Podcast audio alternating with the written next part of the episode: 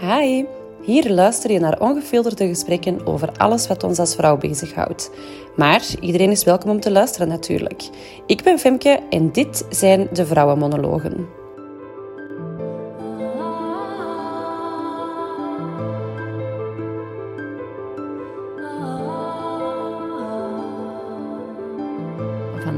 Zit ik hier samen met Celine van Wondermama's en we gaan het hebben over de grijze wolk van het moederschap in plaats van de roze wolk van het moederschap. Celine, welkom. Dankjewel, Femke. Fijn om hier te zijn. Ja, insgelijks. Um, jij bent doula, als ik mij niet vergis. Hè? Klopt. Ja. Wat is dat juist? Wel, um, veelal als ik aan mensen vertel ik ben een doula, hè, dan refereren mensen heel gemakkelijk naar dan, je bent dan een vroedvrouw. En eigenlijk is daar wel een heel groot verschil. Um, als doula heb je vooral zorgen dat de mama zich emotioneel uh, zo goed mogelijk en zo veilig mogelijk eigenlijk voelt. Vanuit het idee dat we eigenlijk de zwangerschap de arbeid, de bevalling en het postpartum gedeelte zo vlot mogelijk en zo natuurlijk mogelijk kunnen doorgaan. Omdat we eigenlijk wel een beetje dezelfde visie hebben in die zin als doula's onderling. Um, als we echt de mama ruimte kunnen geven om vanuit haar eigen kracht in heel dat proces te gaan staan, dat dat heel empowerend werkt, zowel voor de mama, maar dat we dan eigenlijk ook een uh, zo goed mogelijk start geven aan de baby. Uh, en eigenlijk ook zo aan het, ganse, aan het gezin. Dus wij gaan eigenlijk uh, zorgen voor de emotionele veiligheid vooral. En dat kan heel gevarieerd zijn. We hebben, een aantal, we hebben zo precies zo'n toolbox ja. van allemaal middeltjes die we kunnen inzetten, van relaxatie tot visualisaties. Uh, iedere doula heeft ook zijn specialisatie daarin. Zo heb ik mijn specialisatie in traumawerk um, en in voeding, om eigenlijk de mama en zo ook het gezin zo goed mogelijk te, te gaan ondersteunen. Ja, je bent ook Sula, heb je daarnet gezegd. Hè? Ja. Wat is dat juist? Klopt. Sula is eigenlijk een soul doula of een, uh, spirit uh, doula. Uh, en eigenlijk het idee daarachter is dat ik samen met mama's, uh, um, ik kijk heel erg naar de zwangerschap als een uitnodiging om te groeien in bewustzijn. Um, we gaan daar misschien later ook nog even op terugkomen. Maar heel vaak zie je bijvoorbeeld in de zwangerschap dat er een aantal kwaaltjes zijn die zich tonen. Dat kan fysiek zijn, maar dat kan ook emotioneel of mentaal zijn. Um, en heel vaak denken we, het is maar een kwaaltje, we gaan iets nemen en dan is dat opgelost. We gaan eigenlijk een stukje pleister plakken op de wonden. En eigenlijk in essentie is dat iedere keer een uitnodiging om toch een stukje dieper te gaan kijken van wat is eigenlijk de bron van dat kwaaltje, ogenschijnlijke kwaaltje dat ik heb. Um, en dit eigenlijk gaan, gaan inzetten om te groeien als mens. Om een aantal patronen vaak, die niet zo gunstig zijn voor de mama, hoe gek het misschien klinkt, maar de baby, die dan op dat moment misschien nog maar in de buik zit, nodigt dan eigenlijk al de mama uit om om te groeien en om bijvoorbeeld patronen die kosten rond perfectionisme of controle of gehaast in het leven staan, om dat te durven aanpakken en het anders te doen. En daarin begeleid ik uh, de mama's met heel veel enthousiasme. Ja, ja. um, je sprak daarnet, hè, mijn specialisatie is traumaverwerking. Um, wat wil dat juist zeggen? Want ik, ik leg niet meteen de connectie tussen zwangerschap en traumaverwerking. Ja, wel, het hoeft niet altijd direct met zwangerschap op zich gerelateerd te zijn. Maar we zien bijvoorbeeld wel dat er mama's zijn die daarom niet direct in de kraamtijd, dus niet kort na de bevalling, maar bijvoorbeeld een aantal maanden daarna, wel het signaal geven dat ze de bevalling als traumatisch ervaren hebben. Um, enerzijds, dus we hebben het postpartum gedeeld, of de maanden daarna, de eerste maanden van opvoeding die wel belangrijk zijn. Um, en waar er signalen zijn maar eigenlijk ook eveneens in de zwangerschap. Dat ik merk, zeker als bijvoorbeeld een tweede zwangerschap is en de eerste bevalling is bijvoorbeeld wel gekenmerkt geweest door een traumatische ervaring. Um, en dat kan heel divers zijn, hè, want in trauma, we denken heel vaak dat het over een specifiek feit gaat. En eigenlijk, zo zit trauma helemaal in elkaar. Eigenlijk, uh, of iets traumatisch is of, of niet, gaat vooral over hoe de mama het beleefd heeft. Ja, ja ik denk zo meteen aan keizersnede, maar dat hoeft dan helemaal niet zo te nee, zijn. Nee, dat hoeft helemaal niet zo te zijn. Ik heb mama's inderdaad die een keizersnede hebben en dat dan merkt van, oh, dit is wel een tricky one, uh, om dit echt als traumatisch ervaren te hebben. En misschien zal de mama het wel anders gewenst hebben. Um, maar vaak zie je dat het over een andere nood gaat die, die hieronder zit. Als de mama zich heel erg gezien gevoeld heeft, er is een vlotte communicatie geweest en dat was heel belangrijk voor die mama. Die voelde zich daardoor gezien als, als individu. Die kon daardoor ook heel autonome keuzes maken. Dan heb je ook een heel andere um, ervaring in dat soort keizersneden dan een keizersnede waar dat er bijvoorbeeld geen informed consent is en, en de gynaecoloog of de vroedvrouw gewoon handelt zonder meer. Dus dat is dan heel typerend voor trauma als dat gelinkt is in het postpartum gedeelte en aan de bevalling. Maar soms zie ik ook in de zwangerschap dat stukken, kindstukken zal ik het maar noemen, hè, dingen die we meegekregen hebben in onze opvoeding, die eigenlijk een opflakkering doen. Um, in die zwangerschap. En eigenlijk de mama een stukje belemmeren om, ja, om in haar kracht te gaan staan. En vanuit die kracht ook geboorte te kunnen geven aan haar, aan haar kindje. Wauw, super interessant al dit stuk. Ja. um, je sprak daarnet ook over die kwaaltjes. Hè. Dat, Ja. kan, dat kunnen zowel dan hè, lichamelijke als fysieke kwaaltjes zijn. Heb je zo een paar voorbeelden van kwaaltjes waarbij dat, dat eigenlijk veel dieper zit? Of, hè, want daar sprak je dan ook over. Ja. Eh, wat houdt dat allemaal juist in? Ik wil even een kleine kanttekening maken, Femke, als dat mag. Hè? Ja. Want ehm, ik ben natuurlijk geen arts, hè? ik ben doula. Ik heb mij wel holistisch gespecialiseerd. Dus dat wil zeggen dat ik eigenlijk uit zo'n integraal mogelijk mensbeeld naar de mama's kijk die ik mag begeleiden. Ja. Hè? Dus ik zet hier even een disclaimer. Ehm, Don't come for me. ja. maar bijvoorbeeld zwangerschapsdiabetes. Hè. Heel vaak wordt er gezegd van ja, de pancreas is, is, is in nood. Hè. Er is een probleem met de aanmaak van insuline. Ehm, ja, dan zie je heel vaak dat de mama gewoon ook heel veel zorgen heeft. Dat de mama ook moeite heeft of geen idee heeft van hoe moet ik eigenlijk zorgen voor mezelf. Heeft de mama als kind ook nooit ervaren van ehm, hoe is dat om voor mezelf... eh, hoe is dat voor mezelf te zorgen? Hoe kan ik eigenlijk aan zelfzorg doen? Ehm, ook mama's met zwangerschapsmisselijkheid. Eh, ook zeker in, in de zeer symptomatische vorm, waar, waar mama's echt heel erg ziek zijn en ook medicamenteus behandeld moeten worden, merk je heel vaak dat de baby net uitnodigt naar de mama toe om te vertragen en om te durven vertragen en om haar tempo af te stemmen op het tempo dat de baby eigenlijk nodig heeft. Eh, maar heel vaak zien we dat we geleerd hebben van we moeten blijven doordoen en we moeten presteren en we moeten neerzetten. En er wordt van ons verwacht dat we blijven werken, ook al zijn we zwanger. Dat de mama's, ik heb een, een aantal mama's wel op dit moment in begeleiding die zeggen van ik voel mij zo gejaagd en ik heb daar eigenlijk geen zin in. Dat is precies alsof dat mijn babytje mij uitnodigt om te vertragen. En ik heb geen idee hoe dat ik dat moet doen. Dat we eigenlijk dat heel erg integreren in een, eh, in een zwangerschapstraject. Ja, er is eigenlijk nog veel werk aan de winkel dan, denk ik ook, hè, in het Ja, algemeen. mag ik dat ja. zeggen? Maar dat is wel Ja. zo. Ja, ik, ik zeg het zelf, ik durf. Ja, dat is heel fijn. Ja, ik denk dat er... ehm dan spreek ik nu misschien een beetje voor mezelf, hè, maar ik ben eigenlijk heel blij, Femke, dat je mij hebt uitgenodigd.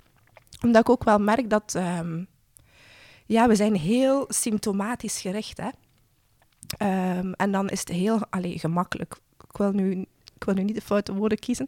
ehm, maar het brengt heel snel verlichting door, door een pilletje te nemen of zo. Ehm, en dat helpt op korte termijn, maar eigenlijk de bron is niet aangepakt. En ik, heb, ik persoonlijk vind dat we zo wat in de maatschappij leven waar dat we overal pleistertjes Ja. gaan kleven. Maar het is, wat het er onderliggend is, de wortels zeg maar, van het probleem zijn niet aangepakt. En dan ga je eigenlijk zien dat die wortels wel een andere weg gaan vinden en opnieuw gaan schieten in andere problemen. Ehm, dat kan in een zwangerschap zijn, maar dat kan ook in een bevalling zijn. En dat kan even goed postpartum zijn, ook of later ehm, in het jonge moederschap. Dat is iets van, mm, het is een andere vertaling die zich toont, maar eigenlijk de bron is eigenlijk wel hetzelfde. Ja, super interessant. En ik dacht, ja, ik durf het wel te zeggen, want er is inderdaad volgens mij nog veel werk aan de winkel op dat vlak. Ja, maar ik, Ehm, ik volg jou ja. helemaal. Maar ja, dan krijg je inderdaad soms commentaar als je, als je het zo uitspreekt. Hè. Nu, waar komt eigenlijk die zogenaamde roze wolk vandaan? We horen dat altijd, eh, zwangerschapsglow. eh, als je zwanger bent, eh, en zeker als je dan juist bevallen bent, moet op een roze wolk leven. Maar ik hoor zelf ook van mijn eigen vriendinnen, en nu durven we tenminste er een beetje meer over spreken, dat dat heel vaak niet het geval is. Mhm, Klopt. Ehm, ja, ik denk dat dat inderdaad ook gewoon een maatschappelijk opgehangen gegeven is, dat het zo hoort en dat het zo moet zijn. Nu, ehm, ja, we gaan er ook vanuit als een babytje geboren wordt, dat dat de max is en dat dat super is en dat dat leuk is. Je hebt daar op zijn minst negen maanden naar uitgekeken. Sommige mama's die langer hebben moeten wachten om zwanger te geraken of meerdere keren een kindje verloren hebben, eerder in een zwangerschap en dan opeens bevallen. Ja, die zouden gewoon blij moeten, tussen aanhalingstekens, moeten zijn. Ehm, en in principe zou dat ook, hormonaal gezien, is ons lichaam ook zo gemaakt. Als we natuurlijk, dus op een fysiologische manier, bevalling geven, dan worden onze hormonen ook natuurlijk gestimuleerd. En dan komt er vooral oxytocine vrij, dat is het knuffelhormoon, en endorfines vrij, dat is het gelukshormoon. En dan zie je dat ook aan de mama, dat hij een zekere ja, gloed heeft, een sparkle heeft eh, eh, na de bevalling. Maar dat is niet altijd zo natuurlijk. Hè. Eh, maar dat is wel wat het, het hangbare is. Dus fysiologisch gezien is er ook een zekere, eh, een zekere roze wolk door al die hormonen die vrijkomen. Maar ik denk inderdaad, zoals dat je aangeeft, van wat maakt dat de maatschappij verwacht, ik denk dat het vooral heel erg voorgeschreven is vanuit de maatschappij, terwijl dat, dat niet, niet de norm is. En ik merk wel dat heel veel mama's daar wel mee struggelen en zich de vraag stellen van, ja, maar uh, ik voel dat helemaal niet. Ja, ben ik dan wel normaal? Ja, is er iets, wat is er mis? Zie ik mijn babytje dan niet graag? Ben ik dan geen goede mama? Wat heb ik gemist? Ga ik dit wel kunnen? En ik vind dat best wel jammer eigenlijk. En ik spreek ook uit eigen ervaring. Ik heb uh, drie dochters, maar ik heb ook drie sterrenkindjes. Um, en ik heb ook al die struggles en die rollercoaster momenten. Um, ik weet hoe pittig dat het dat het kan zijn. En ik hoor je zeggen van, ik heb vriendinnen, we kunnen er al over praten. Ik vind het fantastisch als daar al ruimte voor is. Maar in heel veel vriendenkringen zelf wordt daar niet over gesproken. Ook over het feit van, ik heb voor een zwangerschapsverlies gehad. Wordt daar zelden of niet ruimte aan gegeven. En het, is, het lijkt me wel heel belangrijk omdat bepaalde stukken zoveel gemakkelijker zijn als we het samen kunnen dragen. Um, ja, absoluut. Ja. Je spreekt, ik, ik heb zelf al die struggles ervaren. Um, ik zou daar heel graag eventjes op willen inpikken. Wat is zo voor jou een van de grootste struggles geweest? Misschien kan het andere vrouwen wel helpen. Um, in de zin van, oh, ik heb dit ook. En dat ze zich dan misschien ook een beetje gehoord voelen. Ja, nu, ik heb een vrij zelfstandige mentaliteit. Daarmee bedoel ik, um, ik, ben, ik kom met een zelfstandige thuis. Ik ben al sinds jaar en dag zelfstandig. Um, ik had toen, mijn partner toen was ook zelfstandig. Een heel autonome vrouw, hè? Ja. ja. Dus heel gedreven, uh, werklustig, energiek, noem maar op. Dat betekent eigenlijk dat ik bij mijn drie zwang, allee, mijn zwangerschappen, die ik eigenlijk voldragen heb en, en mijn kindjes levend geboorte heb kunnen geven, uh, dat ik ook echt gewerkt heb tot een week voordien. Dat is pittig. Ja. ja. Ze zouden dan zeggen, goed gedaan. Achteraf bekeken is dat niet zo goed gedaan, maar bon. Uh, maar zelfs postpartum, hè, ik heb mijn vroedvrouw vorig weekend gezien, want ik ben vorig weekend verhuisd. En die kwam, uh, kwam helpen en die zei, ja Celine, eigenlijk heb jij nooit een postpartum gehad. Je hebt nooit kraamtijd gehad. Ik denk dat ik drie dagen bevallen was en dat mijn man daar alweer stond toen, met offertes die gemaakt moesten worden voor de klanten. en dat ik zei, oké, ja, we gaan dit, dit dan doen. Heftig, en ja. wauw. ja, totdat ik eigenlijk dit jaar Mijn jongste dochter is twee jaar en een half. Um, ik heb vooral die postpartum heel erg gemist als ik bevallen ben van Dora, dus van mijn jongste dochter. Ik ben bevallen in januari 2020. Ik ben een week later ben ik verhuisd naar een nieuwe woning. Ik had migraine, ik lag in mijn bed, ik kon niks doen. Ik dacht, dit is eigenlijk niet normaal, maar oké, niemand reageert. Dus het zou wel aan mij liggen dat ik denk dat dit niet normaal is. Ik heb aan mijn kindjes heb ik eigenlijk nooit iets gemaakt. Dat waren vlotte drinkers, dat waren vlotte slapers. Alleen ik voelde mij niet altijd zo goed. Dan kwam corona in maart. Uh, en mijn toenmalige partner zei ook van ja, we hadden toen een cateringsbedrijf van uh, ja, we kunnen nu geen catering doen, maar we gaan een nieuw concept uitwerken. We hebben nu een webshop. Uh, dus we hadden een webshop, veel werk. Ik deed dan nog planning van werk tot, ja, ik gaf borstvoeding nog om zeven uur bij wijze van spreken. En ik werkte tot elf uur s'nachts om die planning nog rond te krijgen. Dan in mijn bed om zeven uur weer op. En ik voelde me eigenlijk dood, dood, dood ja, ongelukkig. Voor de luisteraars kunnen het niet zien, maar ik trek hier grote ogen. Ja, en ergens in mij, ja, ik dacht altijd, ja, ik doe iets mis. En ik heb altijd zo'n heel groot verantwoordelijkheidsgevoel ook gehad. Als er bij mij iets in mijn leven niet stroomde, dan had ik zoiets van, ik pak dat aan, ik onderzoek dat en ik wil daar ook iets mee doen. Maar ik botste zo heel de tijd wel tegen de muur. En ik had dat wel wat signaal die mama, allee, van, van andere uh, mensen, die, hè, een kine en een gynaecoloog, die zeiden van ja, je doet eigenlijk wat te veel. En ik zag ook niet direct een escape, ook dat ik dat anders kon doen. Dus ik heb dat zo wat uitgesteld. Uh, maar ik heb wel gevoeld, zeker het laatste jaar, heb ik een, eh, een hele zware klop gekregen, gevoeld van dit gaat eigenlijk voor mij echt niet meer. Heb ik mezelf ook uitgenodigd om echt op zoek te gaan naar wie ben ik dan. Ja. en dat heeft, mij, allee, dat heeft mij ook mijn relatie gekost. Wat ook goed is, want daardoor kan ik weer ademen. ademen. En heb ik weer ruimte voor wie dat ik in werkelijkheid uh, ben. En kan ik ook aan die zelfzorg doen. Maar ja, bij niemand wens ik dat toe, dat dat hoeft te eindigen in een relatiebreuk. Dus het kan heel veel vormen aannemen. Het kan ook mama's zijn die gewoon ziek worden, die in een depressie terechtkomen achteraf omdat veel is. Of een uitgestelde depressie. Of in het jonge moederschap tegen een parentale burn-out um, ja.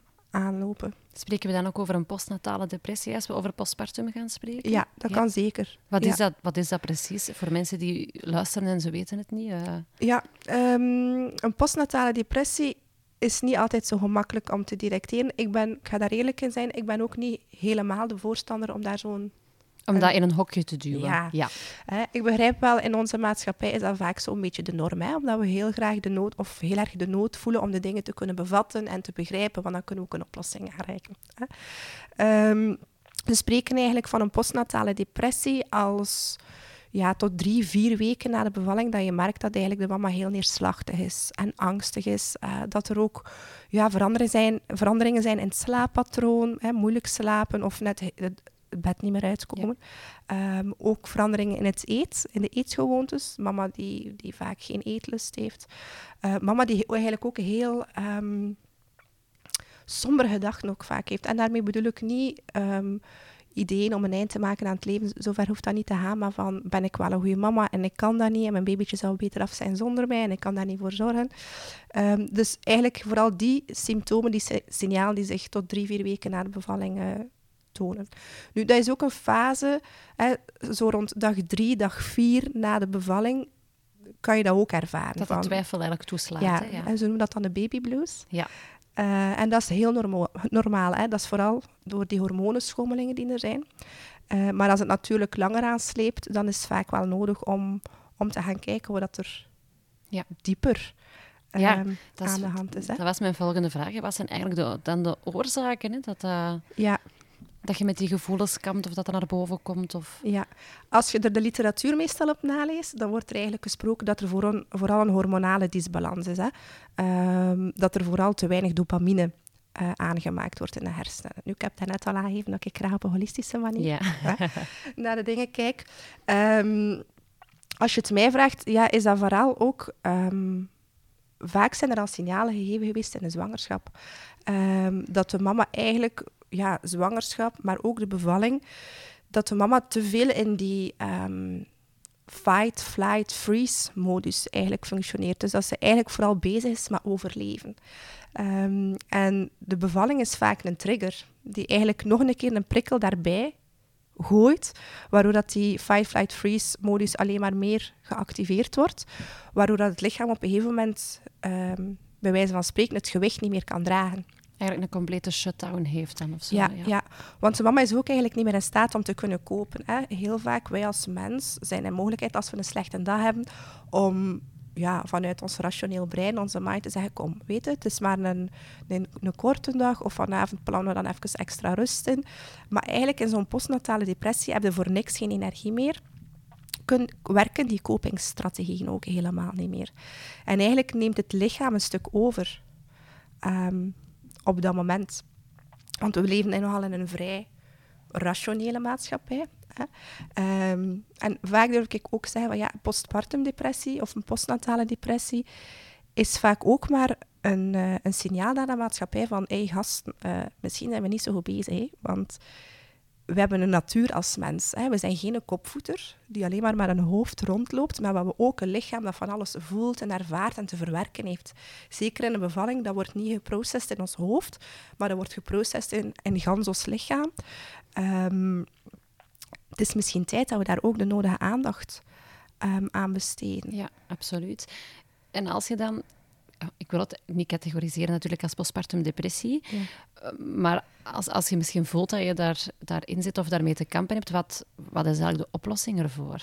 Ja, um, heel vaak als je erin zit, zit, heb je het zelf niet door. Hè? Ik merk heel vaak dat de partners zijn die merken dat, uh, dat er iets aan de hand is met de mama. Trouwens, partners kunnen zelf ook in een postnatale depressie komen, dus het hoeft niet alleen altijd bij de mama mm -hmm. um, voor te komen.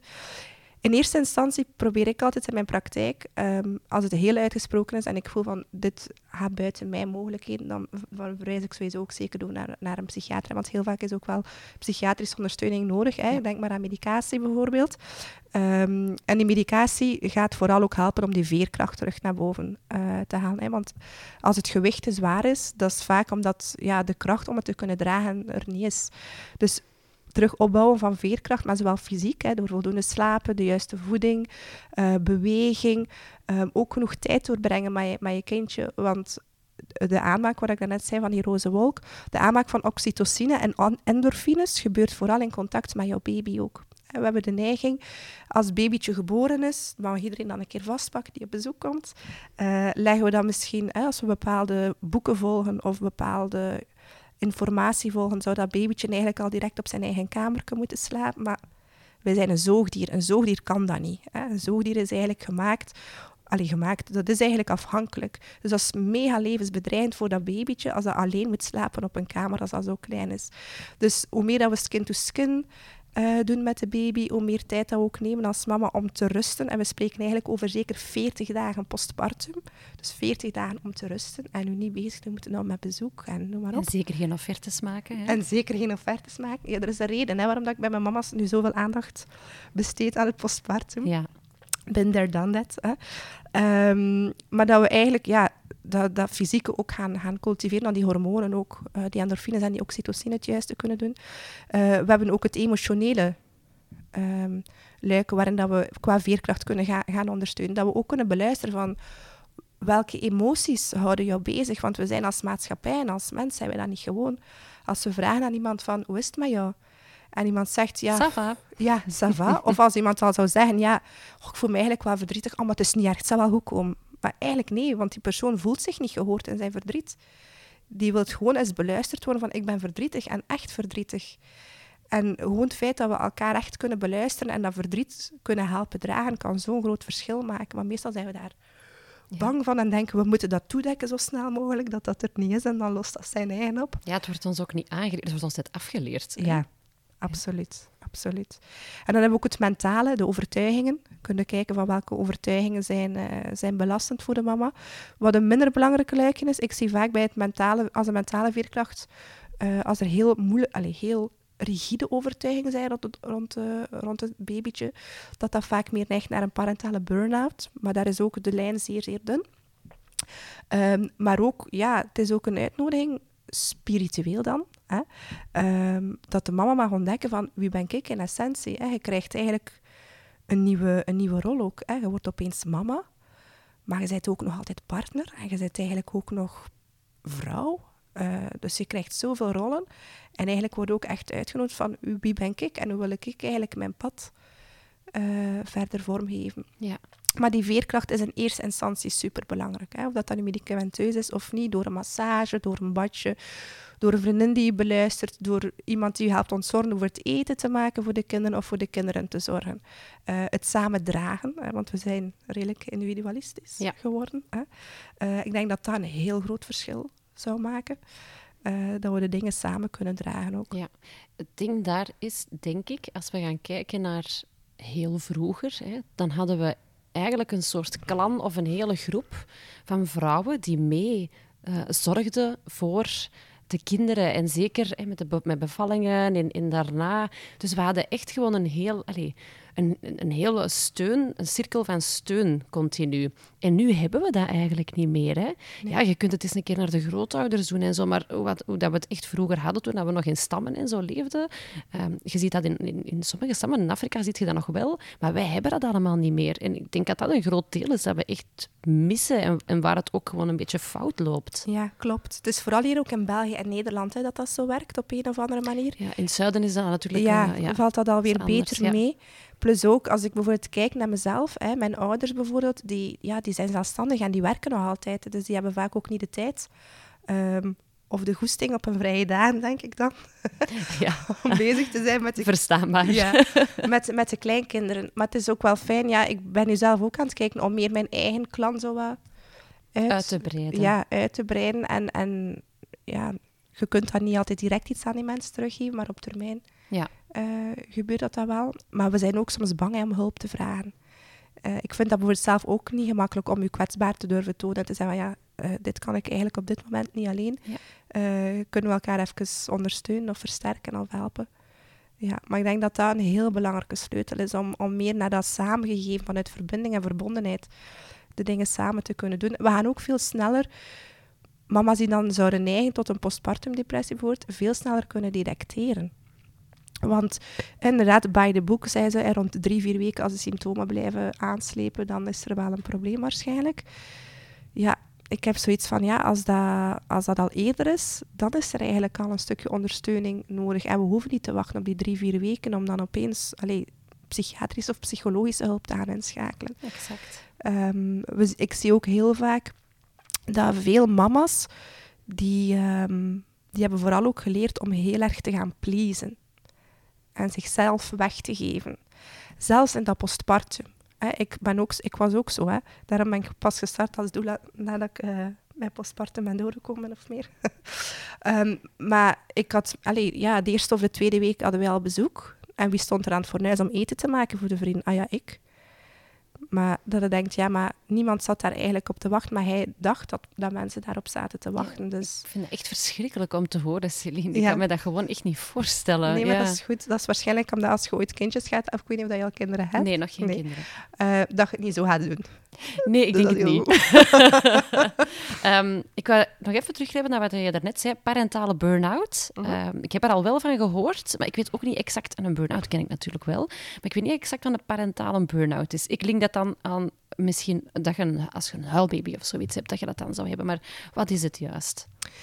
Um, een parentale burn-out, wat ik merk in mijn praktijk, ga heel vaak... Ik heb vroeger uh, heel veel eerst gewerkt met mensen die zelf in een burn- of een bore-out zaten. Voordat ik me gespecialiseerd heb als doula. Um, merkte eigenlijk heel vaak het lichaam crasht ook op een gegeven moment. Hè. Um, en dat is niet... Uh, hoe moet ik dat uitleggen? Dat is niet dat je op een dag uit je bed stapt en dat je zoiets hebt van, oké, okay, ja, nu zit ik in een burn-out. Alhoewel, het lichaam kan wel op een gegeven moment crashen en hebt het zogezegd niet gevoeld, maar eigenlijk is het wel een gradueel proces.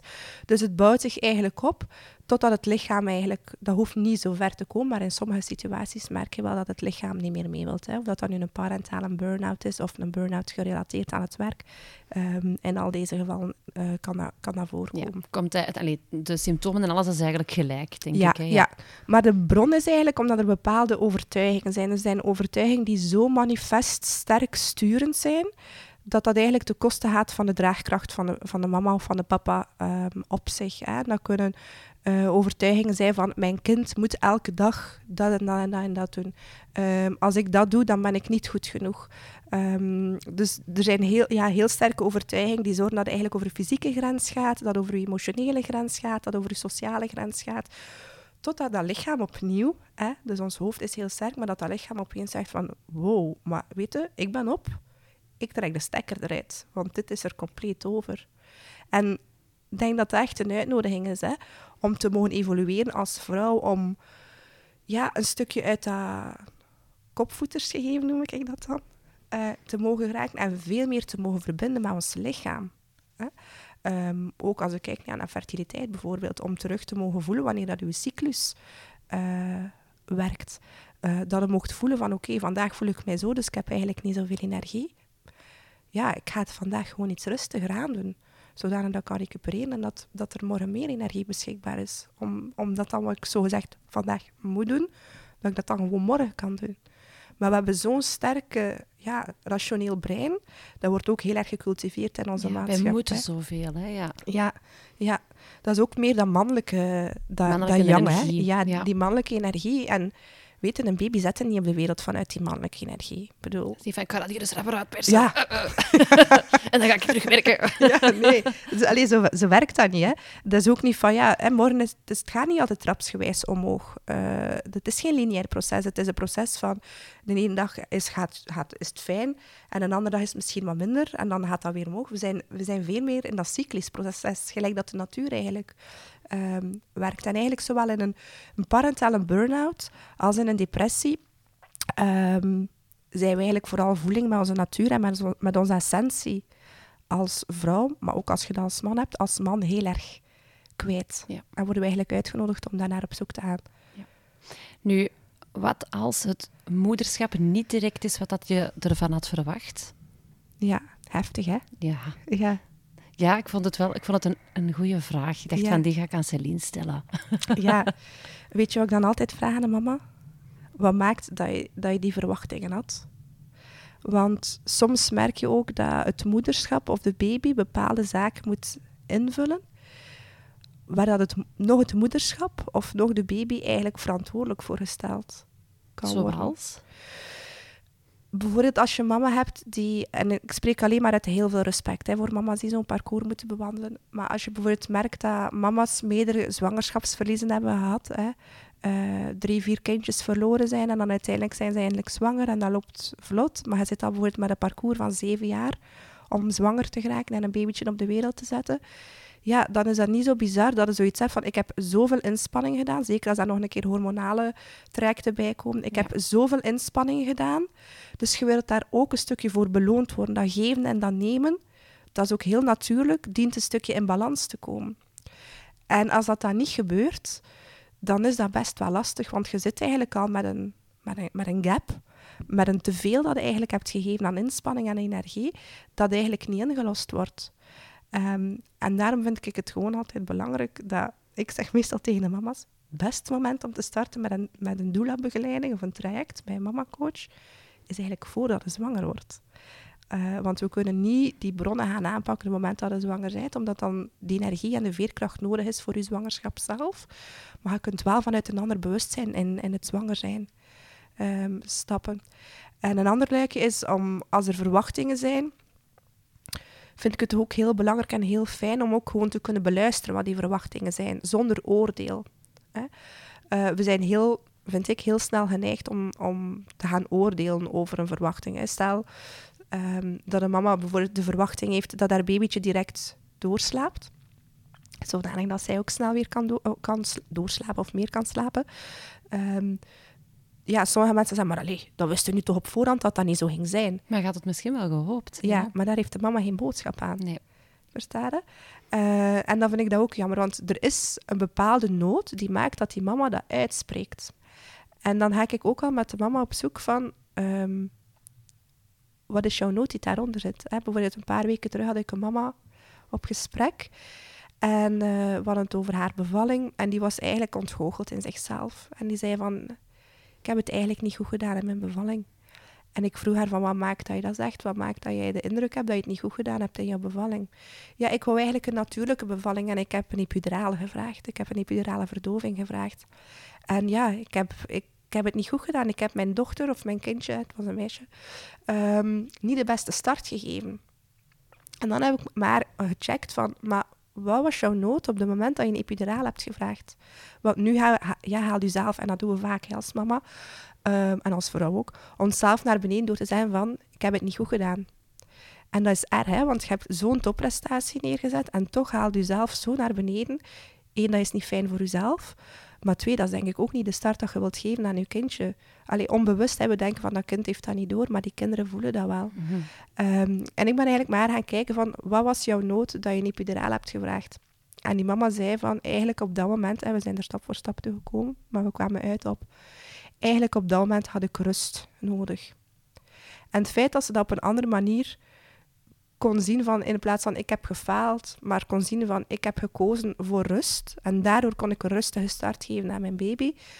Dat gaf haar, ja, ik kon dat ook zien in, in, in dat lichaam. Dat lichaam kon ontspannen en die zei, amai, dat, is, dat klinkt waarschijnlijk zo banaal, maar dat heeft mij zoveel meer open ruimte dat ik het eigenlijk wel meer dan oké gedaan heb. Ja, dat is het denkpatroon eigenlijk veranderen. Hè? Ja, ja. ja, en ook mogen onderzoeken van we zitten met bepaalde behoeften en we gaan dingen doen om aan een bepaalde behoefte tegemoet te komen. Ja. En we hoeven onszelf daar niet voor te, te, veroordelen. En als je achteraf merkt van, mm, dat is een patroon dat iedere keer terecht terugkomt en ik vind het eigenlijk niet fijn, dan kunnen we daar iets mee doen. Maar zeker onszelf niet over veroordelen, lijkt mij. Ja, absoluut. Nu, de maatschappij geeft ons echt een, een, vaak een onrealistisch plaatje van wat een goede moeder moet doen of moet zijn. Ehm, dus ik wil even afsluiten met misschien een happy nootje. Ja. uh, welke dingen doe jij, hè, of, of doe je juist niet, um, die hier tegenin gaan of die u zogezegd een bad mom maken? Ja. Um, ik, vond, ik heb die vraag gekregen in Femke en ik moest daar echt heel hard over nadenken. Want ik dacht, ben ik nu heel erg bezig om... Uh, ik denk wel dat ik op bepaalde plekken kom dat, mama, dat mensen denken van... Allee ja, die mama is daar weer. Het is, het is zij weer, hoor. Ja, bijvoorbeeld school van mijn oudste dochter. ja, het is weer de mama van Isa die daar is. Ja. Um, ik denk dat het echt een uitnodiging is eh, om... En ik kwam misschien een beetje naar, in herhaling om het mama zijn te zien als een uitnodiging om heel dicht aan te komen bij onszelf.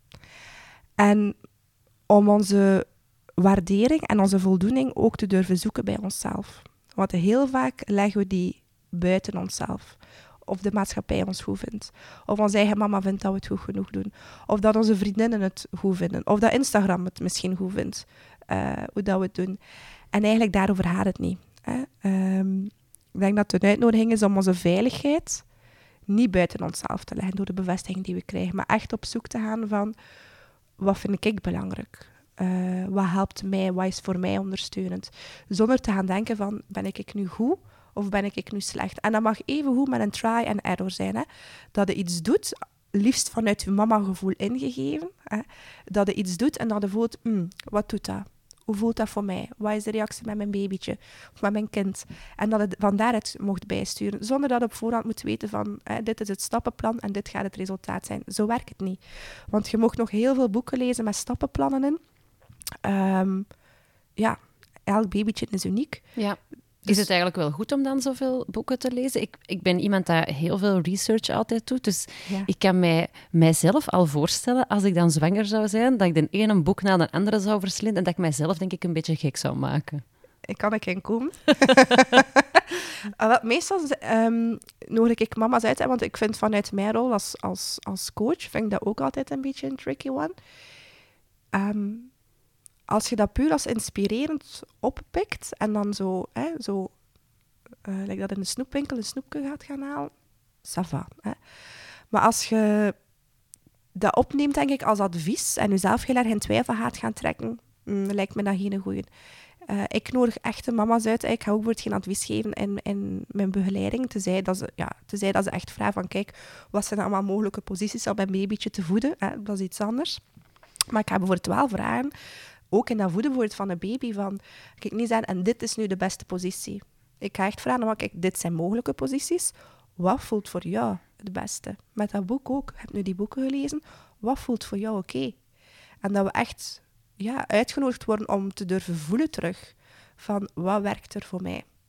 Ja, en daar kan eigenlijk niemand iets tegen tegen Daar zou ook niemand iets mogen tegen inbrengen, want dat is, dat is, uw, dat is uw geboorterecht. Dat is gewoon integriteit. Zouden we eigenlijk moeten afblijven. Klop op tafel. ja, maar dat vind ik heel belangrijk. Ik zou echt alle mama's willen uitnodigen om dicht bij jezelf te mogen komen. En dat is niet altijd gemakkelijk. Hè. Het is met ups en downs. Hè. Het is niet het verlichte pad met alleen maar roze huur en maneschijn. Uh, want het betekent ook dat als je tot je essentie wilt komen, dat alle laagjes die zich daar rond gevormd hebben, die traumatische ervaringen hè, als kind, maar ook van de, de, de generaties ervoor eigenlijk, want mama's geven ook. Dat is intragenerationeel trauma, ja. Ja, hier hebben we het nu niet aan geknoopt, maar dat is ook een heel belangrijk in het postpartum gegeven en de postnatale depressie. Um, maar dat is zo'n uitnodiging, en ik neem dat nu heel erg mee, ook al in de zwangerschapsbegeleiding die ik doe, dat je echt mama's, allee, dat je echt het gegeven ziet dat, dat, dat je als mama in die zwangerschap uitgenodigd wordt om die laagjes van onverwerkte ervaringen die zich rond uw diamant, rond uw essentie hebben uh, ontwikkeld, om die eigenlijk te gaan opruimen.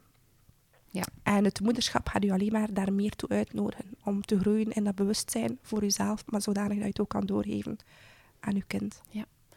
Celine, Wauw, ik vond het echt een heel, heel, heel interessante aflevering. Ik zeg dat bijna wel bij elke aflevering, maar ik vond, ik vond het echt super, super boeiend. Um, als er nu mensen aan het luisteren zijn die zeggen van oh, ik zou er echt wel graag meer over willen weten, of ik heb misschien ook wel zelf nood aan een doula als zij er misschien al in de zwangerschap of ervoor als ze zwanger willen worden, waar kunnen ze jou terugvinden? Ja, ik heb een website, zo hoort hij dag van vandaag. Ja. dus ik heb een website www.wondermamas.be en via Instagram is dat vrij gelijkaardig. Dat is gewoon Wondermamas by Celine. Uh, ik heb ook een podcast en die noemt ook Wondermama's. Dat is gewoon super simpel, dus daar kunnen ze zeker terecht. Um, als mama's niet uit de buurt zijn, maar toch op zoek zijn naar een doula, uh, dan wil ik wel graag eventjes doorverwijzen naar de website van Birdwise. Uh, dat is één organisatie in België die doula-begeleiding geeft, waar ik zelf ook deel van het team ben um, om te doseren en als mentor. En dan is er ook ehm, de website van de Vlaamse Federatie van Doulas, waar dat ze ook terecht kunnen. Oké, super. Enorm bedankt om langs te komen, Celine. Echt ehm, uit de grond van mijn hart, dankjewel voor deze interessante aflevering. Heel graag gedaan en dankjewel voor dit gesprek.